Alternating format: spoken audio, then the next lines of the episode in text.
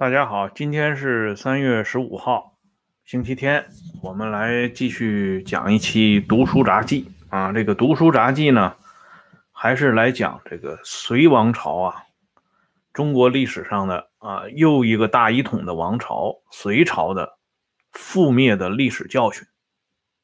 要知道，这个隋朝啊，它在中国历史上虽然短暂，可是它占据的地位。啊，不容忽视。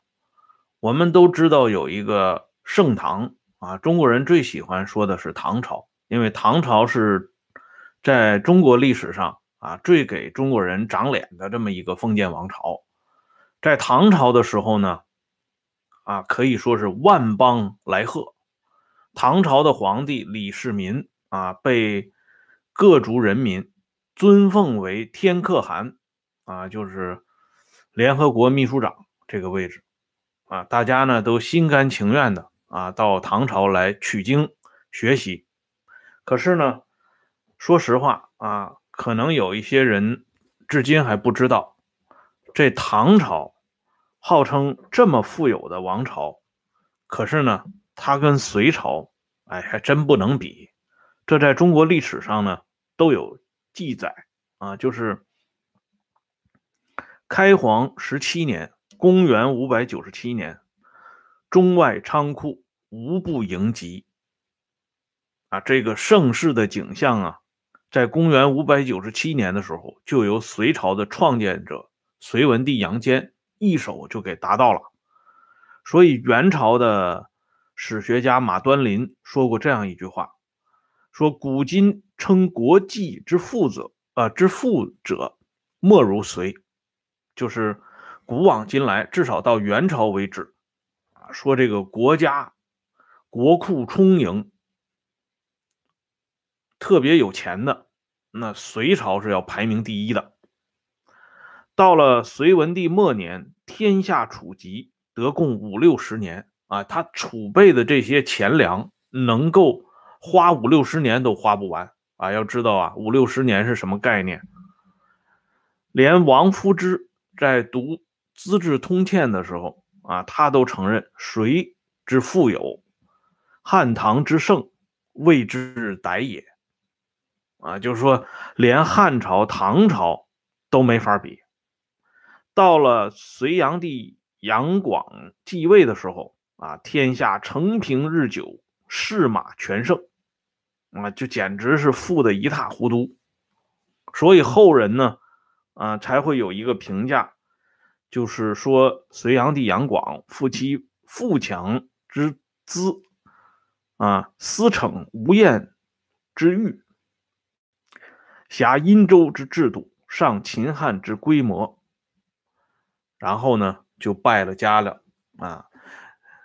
我们都知道啊，这隋朝的灭亡啊，操作者呢自然是隋炀帝杨广，大业十三年呐。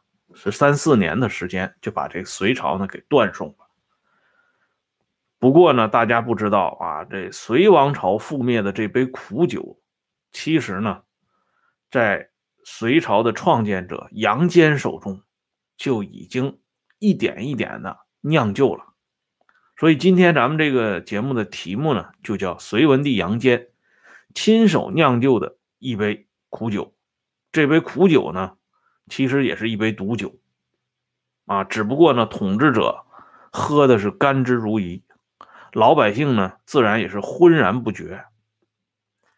这隋王朝啊，统一天下，在开皇九年，正式把这南方的陈国给灭掉了。也就是说，从开皇九年，隋朝结束了中国南北朝的分裂局面。到仁寿四年，隋文帝去世以后呢，又延宕了十三年到十四年的时间。换句话说呢，就是隋文帝啊在位二十四年，统一天下之后是十五年，加上杨广啊在位的十四年左右的时间，前后不超过三十年。到了代王杨佑，实际上就已经是李渊的傀儡了，啊，而这个三十不到三十年的时间里边呢，如果从大业七年，山东王勃聚众造反算起，那实际上他的成平时间只有二十二年。这么一个啊，一度功迈汉唐的这么辉煌的王朝，为什么它的稳定局面只维持了区区二十二年呢？这就要从隋文帝啊杨坚说起。这杨坚的小名呢叫纳罗延啊，也是一句梵语啊。说到这梵语，昨天啊节目里边提到那个阿摩那个事儿啊，在这里呢我再给大家讲一下啊。昨天是个口误啊，把这阿摩呢。和这个啊那个歌里边的那个啊葡萄牙语、法语中的那个词呢搞混淆了，所以呢今天呢啊在这里呢进行一个声明啊，把这个缺失呢给大家给呃澄清一下。杨坚的这个小名啊，纳罗延是取自于梵语，梵语是什么意思呢？就是说这个人是大力金刚，无所不能。杨坚这个人少年时代啊，有过严重的心理阴影啊，就是说杨坚和他的这几个弟弟啊，杨坚是老大嘛，他下边有三个弟弟，杨整、杨赞和杨爽这哥仨，尤其这个杨整和杨赞这哥俩呢，跟杨坚的关系非常不和睦。杨坚有一次生病了，这哥俩呢乐得够呛。啊，就希望这他这大哥呢，赶紧就挂了。这件事情呢，就被杨坚给知道了。杨坚非常气愤啊！杨坚跟他老爹啊说了这么一番话，他说：“将来啊，我要是得手了啊，如果我要是得手的话，我把我这两个弟弟，我要把他们啊姓给他改了啊，不光是把他们姓给改了。”而且呢，我让他们哭都找不到坟头去，啊，这是杨坚在少年时代啊立下的一个宏伟的啊志向，啊，这个志向呢，后来可能是走漏了风风声啊。他这个大弟弟杨整啊，在杨坚称王称霸之前就已经先走了，先走一步了，因为他怕他哥哥啊收拾他。但是老二老三呢，就是不长眼啊。还抱有侥幸的心理啊，以为他哥哥呢只是啊愤愤之言啊，可能是做不得数的。这老二杨战后来就被杨坚呢用毒酒活活的给毒死了。这老三的杨爽呢下场呢也是不明不白啊，官修本上说自然是说他啊正常死亡，实际上呢这个人。可能也是被他大哥呢给搞掉了，因为死的年龄非常年轻，并且呢，这个遗毒呢不光是他弟弟啊及身而止，他弟弟的孩子就是杨坚的亲侄子们啊下场也非常不妙。啊，老大杨整啊，虽然就是大弟弟杨整虽然提前走了，可是呢。杨坚又把这个恨毒的目光呢转向他的侄子，他的侄子呢，啊，杨志吉封蔡王啊，这蔡王杨志吉呀，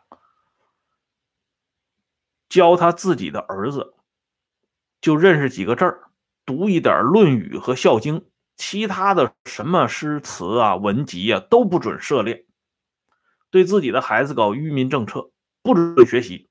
啊，不要念书。对他自己呢，啊，是讳疾忌医。这杨志吉有了病，从来不看医生，从来不吃药。最后呢，苟延残喘到隋炀帝的大业十二年的时候，这杨志吉终于是扛不住了。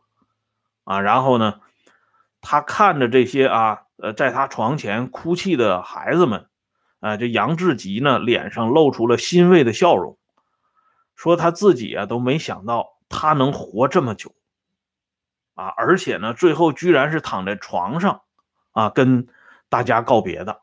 他说：“你们不应该哭，应该笑啊。”他说：“这个在咱们老杨家啊，这些兄弟子子当中，这种结局是最 perfect 的。”啊最完美的。可见呢，在这个啊隋炀这个王朝的宗室当中，啊杨坚的亲侄子在晚年的时候居然能说出这么酸楚的话，啊，可以想见这个王朝的黑暗到什么程度。我们都知道，这个历史上齐桓公称霸的时候，他的著名的啊政治助手管仲曾经劝阻啊齐桓公不要任用一个小人叫易牙，因为这个易牙呢把自己的儿子杀掉了啊烹煮了之后呢给齐桓公尝鲜儿，因此呢这个管仲就认为这种能对自己亲生骨肉都下得去手的人，他不会啊兼爱别人。这种人是禽兽不如的，啊，不能用这种人。齐桓公没有听劝，最后呢，自己也招了这个，呃，报应了。所以从这个角度，我们再来看这杨家父子啊，杨坚、杨广两代。杨坚呢，迫害自己的弟弟；杨广呢，杀掉了自己的大哥和兄弟，以及大哥和兄弟的孩子，啊，甚至呢，连自己的亲生儿子呢，啊，也没打算放过。所以这隋杨两代而亡，从一开始就露出了苗头。再一个呢，就是这个隋文帝杨坚，我们啊，凡是歌颂隋隋文帝的人，都会首先提到一件事情，就是他结束了中国南北朝长达一百五十多年的分裂局面，啊，五胡十六国呀。南朝宋齐梁陈呢？啊，北方的北魏、东魏、西魏啊，北周、北齐啊，这些反正这些啊，走马灯似的王王朝，到了隋文帝杨坚手里，都已经告终了。中国呢，重新恢复到了一个大一统的领导之下。这是杨坚被称之为最大的历史功业。可是呢，大家却很少啊。想到杨坚在平定陈国之后，他干了哪些事情？啊，他在平定陈国以后呢？陈国我们知道啊，他是上承宋、齐、梁三个王朝，啊，他在南方，就是江南，老百姓呢，啊，有自己固定的起居生活方式。啊，有固定的自己的思维模式。可是杨坚认为，既然天下已经归于一统，那么我们的生活方式、我们的意识形态，就必须让南方接受。啊，我们是胜利者。因此呢，他让他手下的大臣苏威啊，这个人我给大家介绍过啊，他搞了一个武教啊，讲父义。母慈，兄友弟恭，子孝，啊，这个是中国传统比较喜欢讲的这套东西。表面上看呢，这些纲常伦理啊，其实是很好啊，没什么错啊，啊，本来就应该这样，对吧？父慈子孝，兄友弟恭，这不是好事儿吗？但是杨坚君臣，他是把这套东西呢，完全的抽空了，抽成了。真空，什么叫抽成了真空呢？这五教核心一点就是绝对服从啊，因为皇帝本身就兼父亲，皇后啊本身就兼母亲，太子本身兼大哥，诸王本身兼弟弟啊。至于子呢，就是天下子民，老百姓都是子孙。那子孙要干嘛呢？孝，孝是什么呢？孝就是顺，顺是什么呢？顺就是服从。说穿了就是打你都不许哭。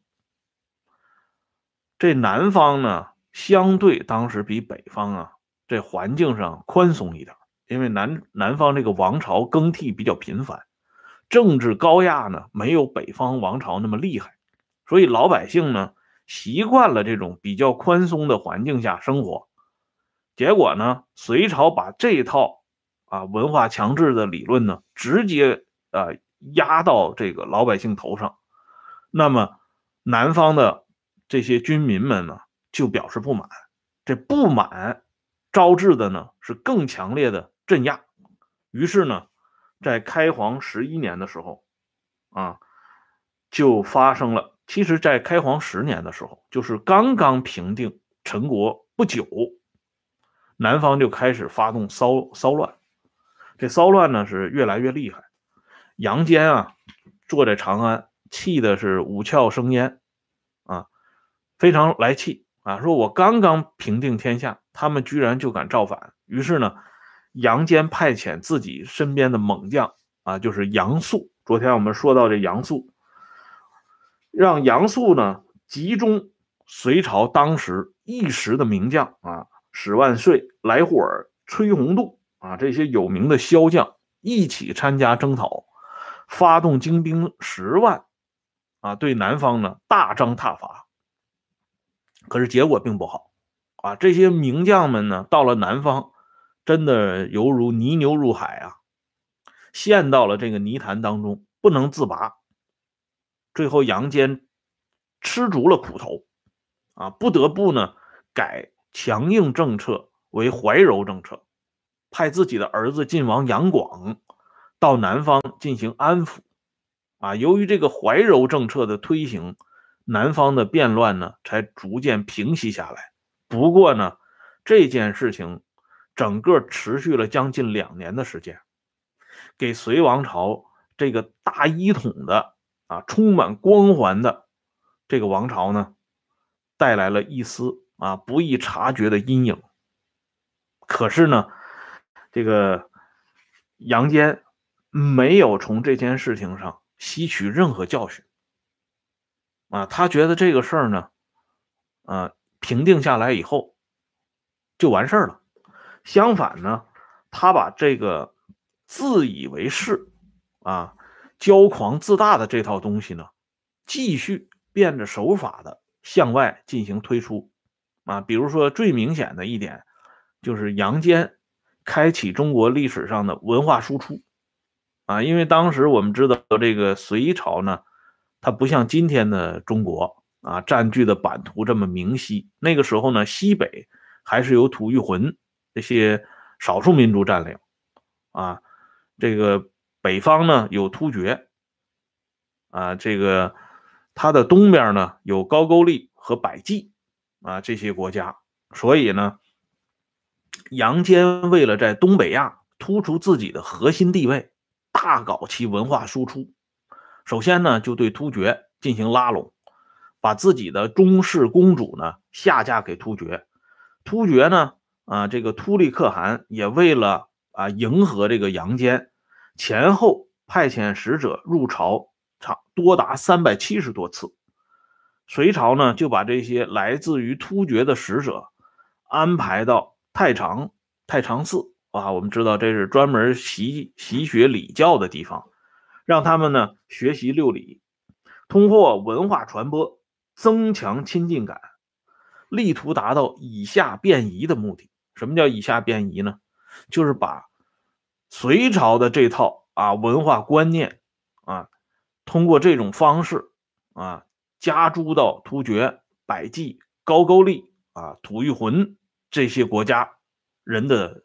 头脑当中，让他们的想法呢跟隋朝的子民越来越贴近，那么自然呢，将来水到渠成，这些国家呢，尽管领土没有啊回归到隋王朝的大一统的版图当中，可是这些我啊国家里的君君臣臣啊子子民民啊，都同这个隋朝的上上下下心呢贴得更近了，这是文化输出的。最核心的地方，在对境外呢搞文化输出，那么对境内呢啊，他搞这个整个的啊意识形态的整合。这意识形态的整合到什么程度呢？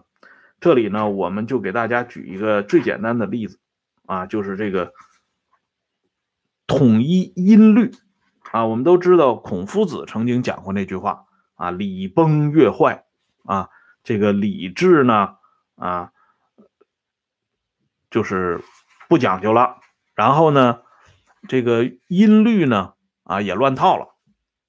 所以呢，在开皇年间，隋文帝强行啊推行统一的音律，就是说全国上下只唱一首歌，同一首歌啊。当时大臣何妥和这个苏威之间呢，曾经有过争论。苏威这个人啊，实际上是一个软骨头啊，是一个老官僚，完全呢是闻风习指的这么一个人物。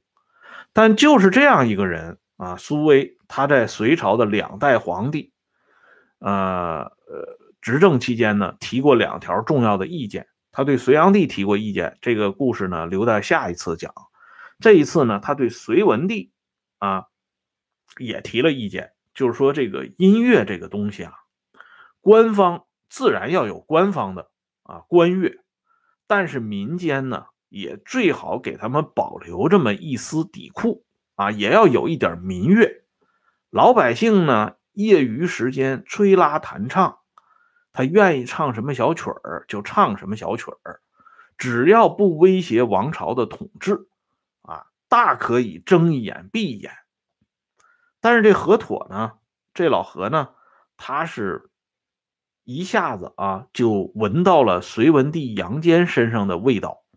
他知道杨坚认为这官方和民间是要统一的啊，不存在官方一个声音，民间一个声音，那是绝对不允许的，就是只能有一个声音啊。因此呢，这何妥就提了正式的说法。他说：“臣闻乐有二，一曰尖声，一曰正声。”尖声惑人而逆气应之，逆气成象而淫乐兴焉；正声惑人而顺气应之，顺顺气成象而和乐兴焉。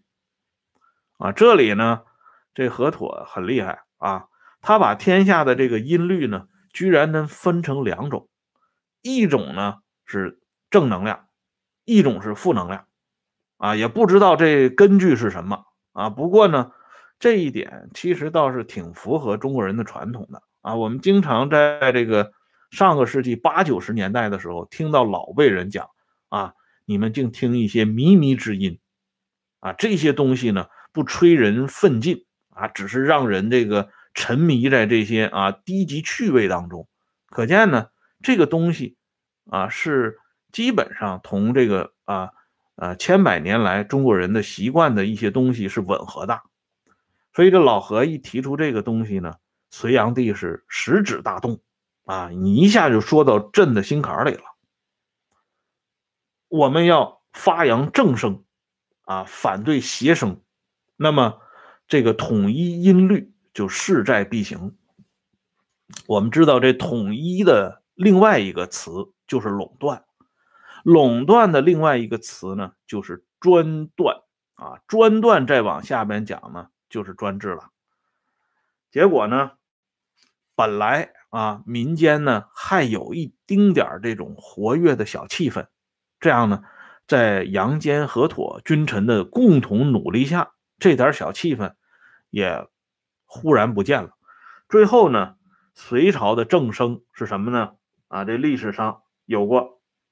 啊，单调、低沉、缓慢、严肃，这一套东西为什么能够大行其道呢？因为他们是在时时刻刻的向大家提示一个最重要的环节，或者说是最核心的内容，那就是皇权无处不在，皇权至高无上，皇权威风凛凛，所有的人都要匍匐在皇权之下。啊，这才是啊阳间改造音律的一个核心核心点。哎，抓了音乐之后呢，这杨坚呢还抓了粮食工作啊。我们都知道民以食为天呐，这老百姓得吃吃饱饭呢，不吃饱饭他就要有想法了。在这方面呢，呃，隋朝做了很多工作。所以呢，到了平定陈国以后呢，隋朝的粮食产量逐年上升。按说呢，这老百姓应该是丰衣足食了，因为粮食生产量逐渐上升，大家饭碗里的粮食也应该越来越多、越来越好吧？可是呢，这个时候在开皇十四年发生了一场旱灾啊，这场灾难呢挺大的。在这场灾难里边呢，隋文帝杨坚的嘴脸呢一下子暴露无遗。开皇十四年，这呃这个旱灾呢是从关中降临，就是在长安附近开始降临。嗯，结果呢，从五月开始呢，赤日炎炎，长空无云。啊，京城呢？啊，也是发生了其他的这个情况。到了八月份，开皇十四年八年啊，八月份农民颗粒无收，啊，只好是吃糠咽菜啊，最最这个低的这种生存保障都已经受到威胁。而隋文帝杨坚呢，啊，他府库充盈啊。刚才我们讲了，开皇十七年的时候就已经富甲天下了。他本来应该开仓放粮，但是呢，这个隋文帝杨坚呢，惜仓廪而不恤百姓。李世民后来是这么说的啊：隋开皇十四年大旱，人多饥乏，是时仓库盈溢，竟不许赈济，乃令百姓逐粮。隋文不怜百姓而惜仓库，比至末年，即天下储积，得共五六十年。炀帝。自恃富饶，所以奢华无道，遂自灭亡。啊，这是后人对隋文帝不开仓赈济的一个高度的总结和评价。结果呢，啊，这个大旱之后呢，居然发生这样的情景。什么情景呢？九月份，隋文帝杨坚带着自己的卫队，啊，浩浩荡荡的。到了长安城外边，同老百姓呢进行亲切的交谈。这些瘦到皮包骨头的老百姓呢，啊，看到皇帝啊突然出现在他们的面前，那一个个都感动的热泪盈眶啊，全然忘了自己呢还挣扎在死亡线上，又磕头啊又谢恩。他们满以为呢自己的这番表现能够感动皇帝陛下。啊，让皇帝陛下呢能够啊心生怜悯，放他们一条生路，因为国库就在长安附近呢。啊，可是呢，隋文帝却出其料理，怎么出其料理呢？他让自己的卫队护送这些老百姓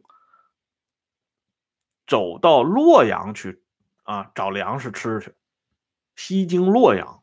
要知道那个年代交通多不便利。况且就在今天，从陕西走到河南，这个路途也不算近呐。他们这些人已经饿得都直不起腰来了，然后你让他们跋山涉水走这么远的路到洛阳去吃饭去，这一路上又得挂了多少人呢？但是隋文帝根本不考虑，他考虑的是什么呢？他考虑的是你们这些人不能饿死在长安城脚下，这样呢就影响长安市的市容。影响我大隋朝这种富丽堂皇的局面，所以你们就算是饿死，你们也到洛阳那边去饿死啊！不要落饿死在我眼前啊！他居然就是能做到这一点，而这一点呢，后人呢啊，在总结这一点的时候说过这么一番话，发人深省。所以呢，我给大家念一下。他说：“隋文帝是越来越渴望集权，人事权、物权、财权，把各种资源都紧紧地抓在自己的手中。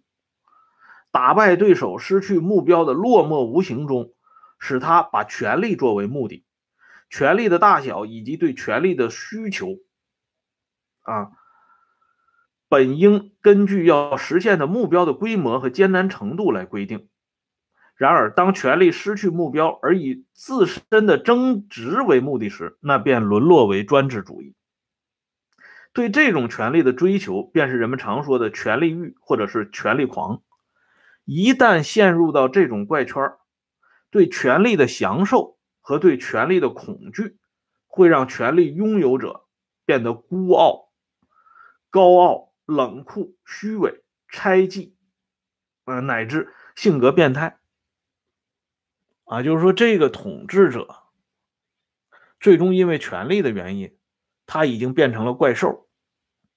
啊，人们不能够理解的啊，从常情角度、人之常情角度、从常理角度不能理解的，他都能做出来。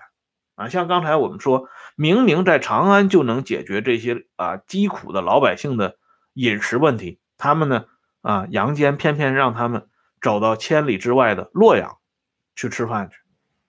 啊，这种事情在今天从正常人的角度来讲，这简直是无法理解。可是呢，这个东西他就做出来了，而且要知道这时间发生在开皇十四年，啊，当时这个王朝还正在往巅峰发展。他就能做出这种事情来。再一个呢，隋文帝在开皇年间啊，我们知道这开皇呢二十年天下，这是隋文帝奋发有为的二十年啊，和仁寿四年不能比。仁寿年间呢，隋文帝已经走入颓废了啊，沉迷酒色。开皇二十年当中呢，隋文帝。最致力于搞两件事情，一个呢，就是鼓励臣民之间相互揭发告密，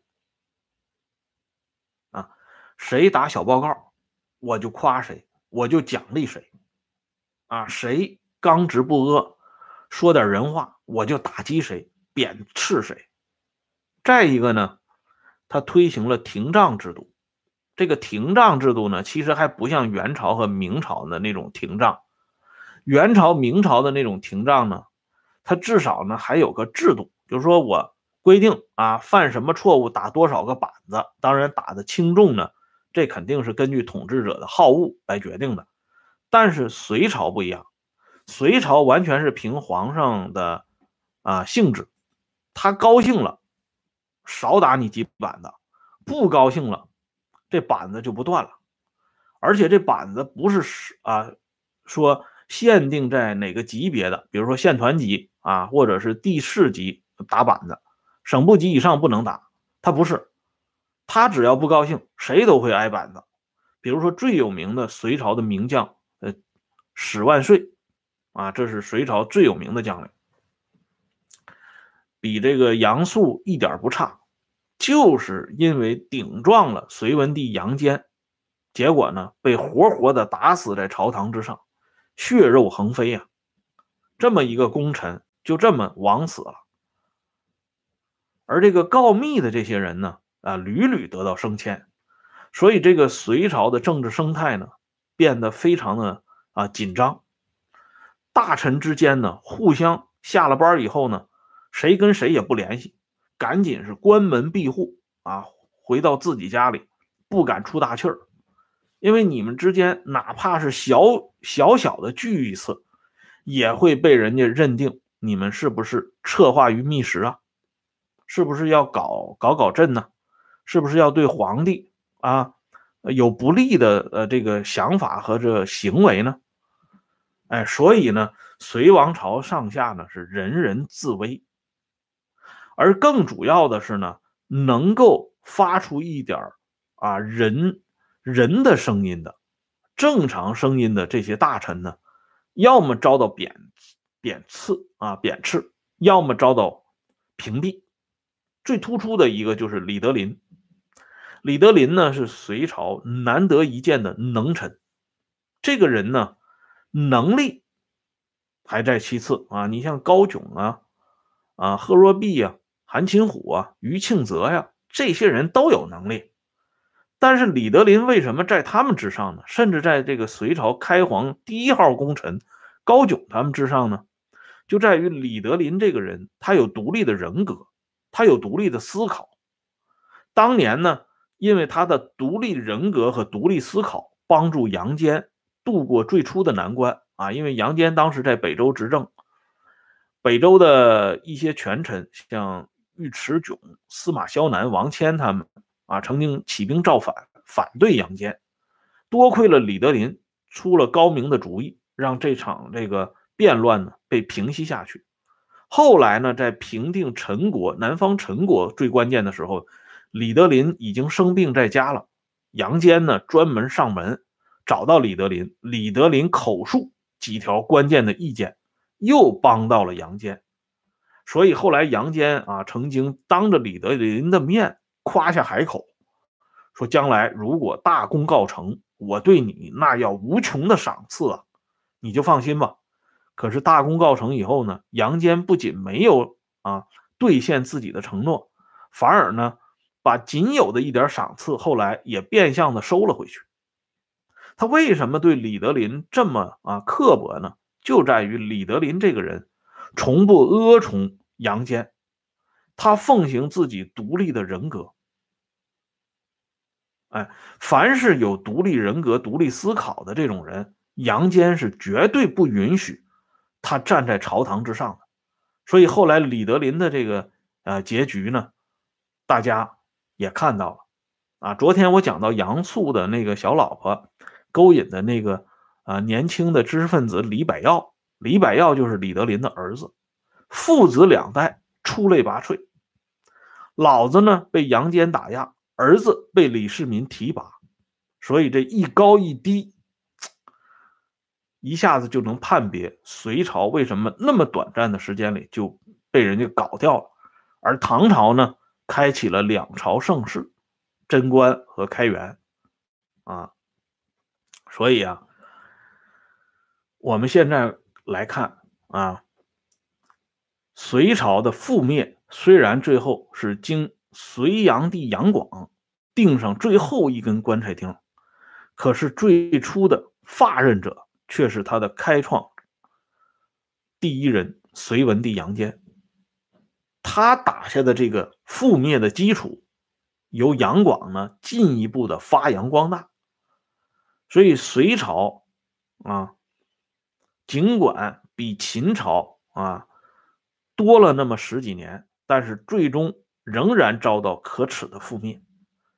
刚才有个朋友说隋炀帝啊，隋文帝杨坚怕老婆，其实呢，杨坚夫妇啊真的是啊天猫地狗啊，所谓不是一家人不进一家门。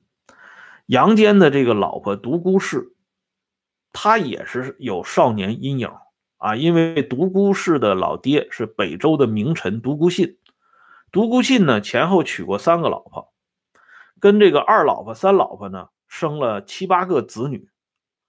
这独孤氏呢跟他六个哥哥那是同父异母，而他这六个哥哥受到独孤氏的迫害啊，甚至是严重的迫害啊，其中呢，嗯，有的人呢。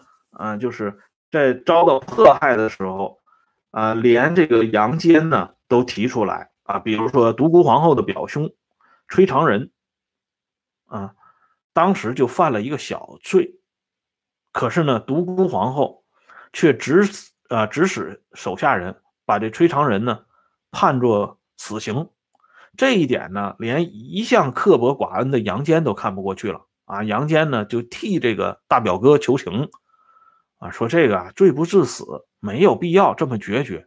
可是独孤皇后呢，却大义凛然的说，说什么呢？国家之事，岂可存私啊？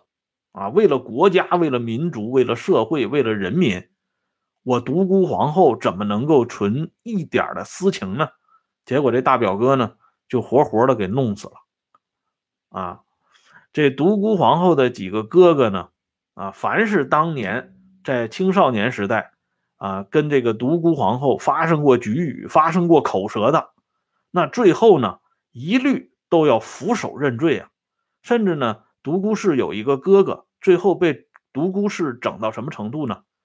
就是给他这个妹妹啊磕头下跪啊，磕头如捣蒜呢，啊，那么磕头，独孤氏呢，啊，都说了一句话，独孤氏说什么呢？说昔魏武言。磕头可活命乎？啊，这是古文啊，翻译成今天的话就是说，独孤氏说，当年曹操的同学拉着曹操的大腿给曹操磕头，求曹操放过他一条啊一条命，但是曹操呢都没有放过他一条命，说磕头是没用的。那么今天你还想学曹操的那个同学可是呢，我却想学曹操，学魏武帝曹操，所以他这个啊哥哥呢啊也被这独孤皇后给迫害，自残自残呢啊不是致死啊，比这曹操呢还好点，但是呢也是生不如死。所以你看他这种家庭啊，无论是从政治的角度，还是从这种正常人生活的角度，他都是一个完全畸形的家庭。只不过这种作风呢，啊，所谓家风不替呀，后继有人。杨广上来以后呢，比他爹比他妈做的还要过分，啊，那当然了，就是另外一个话题了。今天呢，关于隋文帝的故事呢，我们就先讲到这里。以后呢，找机会再讲一期隋炀帝的故事，让大家呢对这个隋朝两代而亡的历史教训呢，啊，有这么一个整体的概念。好了，谢谢朋友们上来收看和收听，我们下次再聊，再见。